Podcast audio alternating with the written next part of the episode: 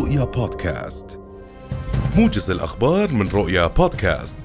أكدت الأمين العام للشؤون الإدارية والمالية في وزارة التربية والتعليم نجوى قبيلات أن قرار تقديم موعد الاختبارات النهائية للفصل الدراسي الأول إداري بامتياز للحفاظ على صحة الطلبة والمعلمين في فصل الشتاء. وأضافت قبيلات أن الوضع الوبائي في المدارس مطمئن وشددت على أنه لا يوجد أي مدرسة حاليا تعمل بنظام التدريس عن بعد مشيرة إلى أن عددا من الشعب الصفية تم تحويلها للتعلم عن بعد بسبب وصولها إلى عشرة في المئة.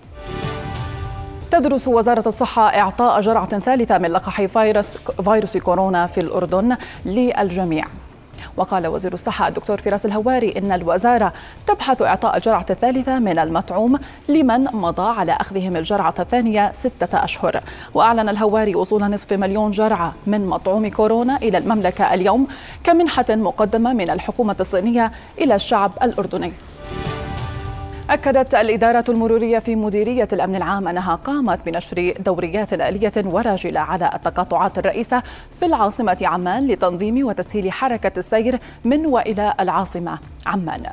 فيما قالت الدوريات الخارجية أنها تعاملت مع عدد من المخالفات والحوادث وبعض المركبات المتعطلة وأنها ترصد وتتابع المخالفات التي قد تؤدي لحوادث مرورية على جميع الطرق الخارجية. قال الدكتور محمد مقدادي الأمين العام للمجلس الوطني لشؤون الأسرة إن كلفة إيواء المسن الواحد في دور المسنين في الأردن تصل إلى 700 دينار شهرياً.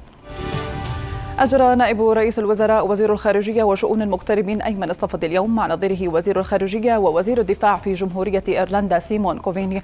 محادثات تتناول سبل تعزيز التعاون والشراكة وآخر المستجدات الإقليمية والدولية. وقالت وزارة الخارجية وشؤون المغتربين عبر تويتر إن الصفدي سيبحث سبل توسعة آفاق التعاون بين البلدين والمستجدات الإقليمية.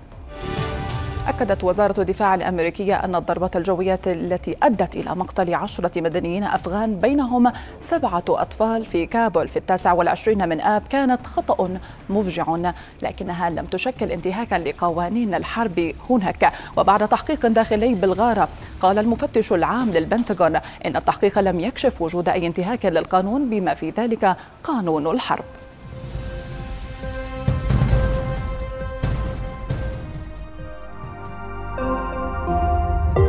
رؤيا بودكاست.